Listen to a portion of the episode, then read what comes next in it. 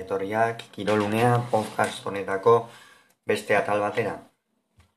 Gaurkoan ez dugu ez partiden partida aurrekorik eta analisirik egingo, bart ez baitzen ezertxo ere izan, baina bai bi albiste nahiko nabarmen, nabarmentzeko moduko bi albiste bai eman ziren, alde batetik, beno, aurre ikusita zegoen pilotaren kasuan aurre ikusita zegoen unai lasoren baikoko kontratu berritzea eta horren inguruan hitze ingo dugu. Nola izan da unai lasoren garaipena?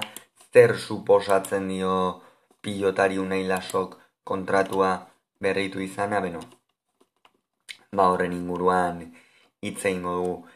Eta bestalde batetik berriz, e, gaur e, futbolarekin bueltatuko gara, eta kasu honetan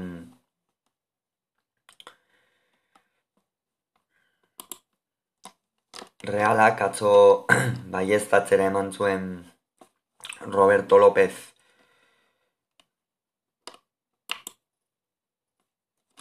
Mirandesera utzita joango dela eta beraz, ah, bueno, zer onura ekarri ezazkioken, zein izan den bisat realean bere ibilbidea orain arte, eta hori guztia aztertuko dugun baita ere, esango dugu honen arira, sanzen edo bigarren taldean jokatuko duten horien e, artean, zeintzuk joan beharko luketen utzita, edo zeintzuk geratu beharko luketen, ba beno, lehenengo taldean aukera bat izan dezaketelako, ezta?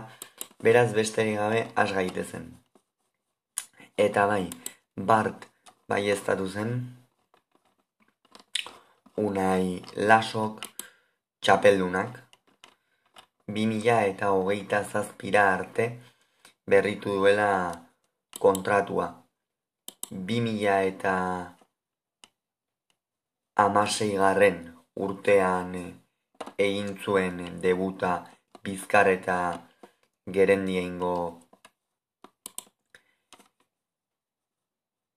pilotariak, beno, oso pilotari esplosiboa zela saten zen, asko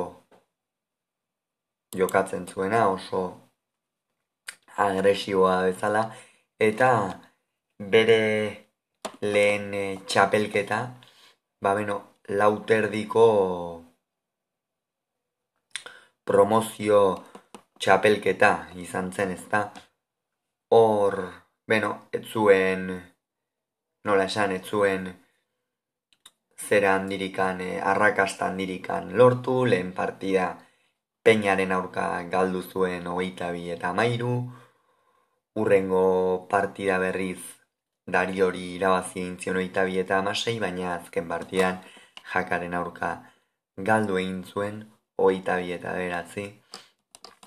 Eta honen bestez, ba, bueno. En txapelketatik kanpo geratu, geratu zen ezta. Urren urtean ordea, 2000 eta amazazpian,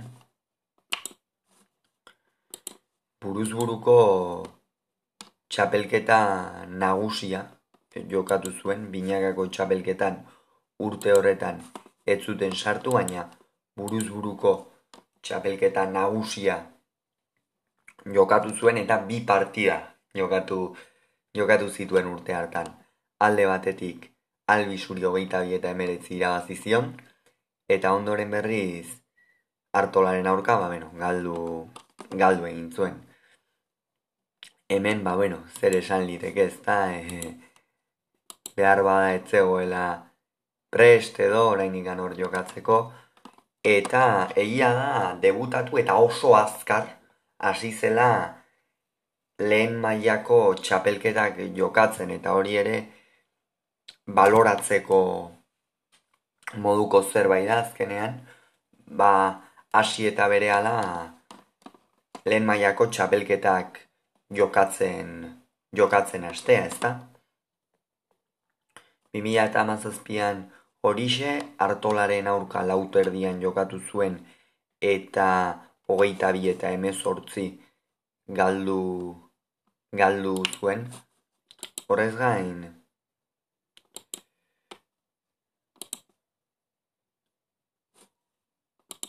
horrez gain, em, Beno, 2000 eta amaseian ez zuten sartu San Fermin torneoan, 2000 eta amazazpian bai eta hartolaren aurka berriro ere galdu egin zuen, ez da, beno, hor lehenengo urte horiek, ba, beno, ez zituen biribilak izan batez ere buruz burukoari dagokionez. Eta orain bai, e, 2000 eta emezortzian ere ez zuten, ez zuten sartu binakako e, txapelketan, Baino, bueno, ja da e, maila altuagoa akusten e, hasi zen eta 2000 eta hemezortziko buruz buruko txapelketan ba, beno, lehenengoan ere kalera joan zen, jakaren aurka eta bai, esan behar da, ba, beno, lehenengo urte horiek naiz eta lehen mailan jokatzen hasi zen, ba, beno, ikusten zitzaiola zer izan ziteke, baina ez zuela, ez zuela oso, ez zela oso azkar, lehertu zen pilotaria izan lehen urte lehen urte horietan ez da 2000 eta hemen lauterdiko nagusiari dagokionez e, zuen zuen txapelketa ura jokatu. Lasok 2000 eta hemen San Fermin torneoari dagokionez aldiz bai jokatu zuen eta gainera lehen partidan Victorri hogeita bi eta malau irabazizion, baina ondoren bengoetxearen aurka hogeita bi eta emez hortzi galdu zuen. Hemen jada hasi zen izar handiak edo, ba beno, estutzen ez, azkenean nahi laso goratuko du mila ez ziren da geita amazazpian jaio zela eta hogeita bat urterekin bengoetxea estutu, estutu, bengoetxeari estutu erra eman ziola, ez da? ondoren berriro ere zikloa hasita 2000 eta emeretziko txapelketa nagusian ere ez zuten sartu, laso, zuten sartu, eta, beno, 2000 eta emeretziko kasu honetan buruz buruko txapelketan, ba, beno, lehen partidan eh, oso erraz irabazizion retegi bik, hogeita bi eta zortzi, eta hemen orain digan ere, ba, bueno, ikusten da, kostatu zitzaion, kostatu zitzaion lehertzea, ez da? Bimila eta emeretziko lauterdikoan berriz, e, hemen jada bai e, ez ustekoak ematen hasi zen, ez da? Elezkano bigarren ari hogeita bi eta emeretzi irabazizion eta honen bestez ligaskan sartu zen. Horrez gain, hartolari jada eta hemen hasten da pixka lehertzen edo ezta. Hartolari hogeita bi eta emere, hogeita bi eta beratzi irabazizion. Ezkurdiaren aurka hogeita bi eta hogeita bat galdu zuen eta bengoetxeari hogeita bi eta zortzi irabazizion ondoren. Hemen hasi zen pixka bat lauterdiko txapelketa honetan lasoren leherketa hori ez da. Eta bazirudien jada ez zuela inor geldituko, baiko kolauaren aurrelaria izango zela ia ondoren altunak erraz ziziola e, final erdietan, hogeita bieta amar, kasu honetan baina bazirudien ez zuela, ez zuela inor geldituko, noski, txapelketa honen ondoren, ba bueno, derrigor, bimila eta hogeiko en, txapel, e, binakako txapelketa nagusian sartu zuten eta bertan albizu eta biak final erdietara iritsi, iritsi ziren. Baina ba beno hemen hemen hasi zen e, dena gatazka guztia eta ba beno hemen, hemen hasi zen hemen hasi ziren albisterik txarrenak lasorentzat ez da pandemiaren kontu guztien ondorioz binakako txapelketa eta noski gainontzeko txapelketa guztiak gelditu egin ziren. Eta ondoren gainera ba, pilota itzuli zenean e, una hilasori esan zitzaion etzuela baiko pilotan jarraituko. Esan etzuela baiko pilotan jarraituko una hilasok kolpe gogora izan zen bai beretzat eta ulerte zina noski pilota zale guztionzat ulerte zina izan zen. Baiko pilotak hartu zuen erabaki hori nola e, garapen horretan hasi zen hogeita bi urteko mutikoa nola gelditu zitekeen en, kanpoan. Inoiz ulertuko ez den erabakia izango da. Asko asarretu zuen mundu mundu guztian ere asko asarretu ninduen kontua izan zen baina kontua izan zen ba urte betez iaia e, enpresa handietatik kanpo geratu zela. Ondoren afizionatuetara itzuli zen pilotaren e, noski pilotarien e, ibilbidea pilotan ez da profesionaletan bukatzen ondoren askok eta askok afizionatu mailan ere jarraitzen dute. Azkenean pilota euren pasioa delako gehienena behintzat eta kontua izan zen ba urte betez txapelketari jokatu gabe ontzela horre egon ziren ondoren grebaren eta historia guzti horiek. Eta bere urrengo txapelketa pentsa bimila eta hogeita bateko San Fermin torneora eman behar dugu. Buelta izan ere hor ekainaren hogeita sei batean laso txapelketa ofiziala ez baina San Fermin torneoa iaia txapelketa ofiziala. Lasok lehen partida peinari hogeita bi eta amazazpira bazizion, lehitzan, ondoren maiabian urrutiko etxea hogeita bi eta amabost garaitu zuen, agirreri erraz irabazizion final erdietan hogeita bi eta sei, eta estutu ederra eman zion finalean jokin altunari hogeita bi eta hori. Hemen ikusten zen unai laso zer izan ziteken, ez da? Eta ondoren guazen urrengo txapelketan agusira, ze Masters CaixaBank Nafarroako lauterdikoa eta San Fermin torneoa eta San Mateo ez gain Masters CaixaBank izan zen beste alternatiba, bigarren urtez jarraian, hori ez zuen jokatu, unai laso, eta ondoren lauterdikoan, bueno, peinari hogeita eta ba irabazizion lehenik eta donostian, ondoren e, ligaxkan sartu zen, Egia da lehen partidan etzela uniasi, ezkurdiaren aurka hogeita bieta beratzi galdu zuen, ondoren jaka hogeita bieta zortzi garaitu zuen, eta urrutiko etxea zaian partida erabaki garian hogeita bieta maidu. Ondoren, final erdietan peio etxe berria hogeita bieta zortzi garaitu zuen, eta azkenik finalean, niokin altunari bigarren aldiz, estutu ederra eman zion hemen jada demostratu zen baiko egin zuen akatsa eta ondoren jada gainontzeko historia da, ezta? Binagako txapelketa animazekin finalera iritsi zen meritu handiko txapelketa eginda eta buruz buruko txapelduna. E, sekulako garapena izan du lasok, labur bilduz esan genezak ez duela, ez zuela esplosibidade, hain azkar hartu esplosibidade hori bi mila eta emeretzian jada debutatu eta hiru urtera, ba, bueno, askotan normala den bezala jada hasi zen goi mailan lehiatzen ze, bueno, goi mailan bai jokatzen zuen. Eta horre eta horre ikusten zen, ba, bueno, enpresak zuen fedea berekiko ez, baina hor benetan benetan bi mila eta emeretzi urtean hor eten hori izan zuen, baina ikusi da eten horrek ez diola ezertxo ere erasan, benetan merezitako kontratu berritzea, baina noski baikoren aldetik oso itxusia izan den.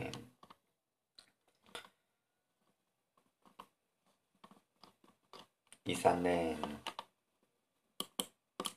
erabaki ez da, e, hainbeste konturen ondoren, bueno, itzultzea. Hau izan da beraz lasoren inguruan esan behar genuen guztia eta orain zen Roberto Lopezen eta sanseko plantillan dauden gainontzekoen egoera aztertzera, ez da beno. Atzo bai zuen realak, Roberto Lópezek aurten Mirandesen jokatuko duela, Roberto Lópezek joan zen urtean Sansen Sansen jokatu zuen, gogoratuko dugu. Sansen jokatu zuen Zaragozarrak. Eta, beno, ba... Egia esan hogeita zortzi partia jokatu zituen, berrogeita bitik, lau gol sartu eta bi pase eman zituen etzen e, bere, bere denboraldirik e, onena izan, e, nahiko azteko moduko denboraldia izan zen egia esan Roberto López zentzat, eta beno horren ondorioz ba urten mirandesera joango da utzita. Nik uste usteko leku ona dela, azken finean jokalari gaztei eta oraindik ere garapendean daudenei aukera handiak ematen dizkien taldea da, realak ere oso erlazio hona du haiekin, ba, goratuko dugu Merkelantz, Guridi, Sainan, hainbat eta hainbat bertatik paseak direla eta ondoren, ba, bueno, behar bada Merkelantzek ez, baina Guridi jokatu den partietan, ez du esango sekulako maila, baina bai, ba, bueno, maila polita erakutsi duela, ez da. Horrez gain, ba, beno, erabaki ona da, ze Roberto López zieia, ba, beno, behar bada gargo hori edo pixka falta zaiola, ez da, kalidade handiko jokalaria, baina behar bada hor, lehiakortasun hori edo pixka bat falta zaio, eta nik uste jarraikortasunarekin kasu honetan mirandesen, nik uste titular nahiko garo izango dela, nik uste e, errendimendu ona aterali ezaioketela, eta ea, ea, ea zer gertatzen den. Bestalde e, realak gaur du en jokalari konkretu batzuekin en, zera prestakuntza non e, lehen urtean. Santzen jaruntzien jokalari batzuk orain hasiko dira entrenatzen.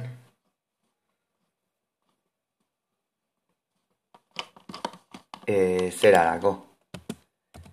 Lehen taldearekin jada de, e, aurre denboraldia azteko ez da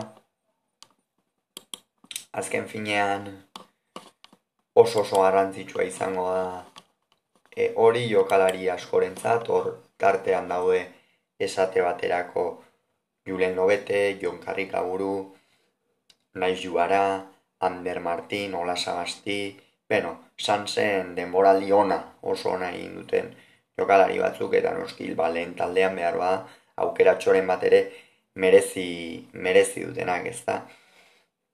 Ondoren berriz batzu joan dira, esaterako alda soro, alkain, zubi aurre ere badirudi badoala, ba, bueno, hor badaude batzuk badoazenak, Aleix sola ere lehen taldera igoko du realak eta beno, berrikuntza dezente, dezente izango dira. Eta ikusiko dugu, ikusiko dugu ea realak nola kudeatzen duen hau, nik uste e, ilusio handia sortzen duen zera dela azkenean arrobiko jokalari dezente denboraldi aurrean realarekin astea, ondoren ikusiko dugu noski zenbat geratzen diren, zenbatez nik esaterako esango nuke karrikaburu turrientes noskilen taldera igoko daia, baina didez karrika buru, juara, eh, ez dakit, eh, Ander Martin, lobete eta hauentzat jada bigarren B maila, ba, beno, txiki bezala geratzen dela, eta izatekotan utzita bigarren mailako talde batera, joan beharko liratekela ez da. Kusiko dugu hause nire iritzia kasu honetan, eta hause izan da, eh, Roberto Lopezen eh, uzketari buruz esareko genuen guztia. Eta azkenik esan ditzagun Bart galarretan jokatu ziren erremonteko emaitzak izan ere atzo hasi zen San Fermin txabelketa lau bikote izango dira goratuko dugu alda, aldabe barren etxea urriz alabakan saspiroz eta eskurra joanenea atzo aldabek eta barren etxeak gogeita mar eta gogeita iru irabazizieten urriza eta labakari eta ansak eta azpirozek eta eskurra eta joaneneak jokatu zuten partidan ezkurra eta joanenea izan ziren garaia hogeita mar eta hogeita. Hau izan da beraz gaukatan honetan esan behar genuen guztia, rengoan gehiago izango zuen kirolunea podcast honetan, bitartean ongi izan agur.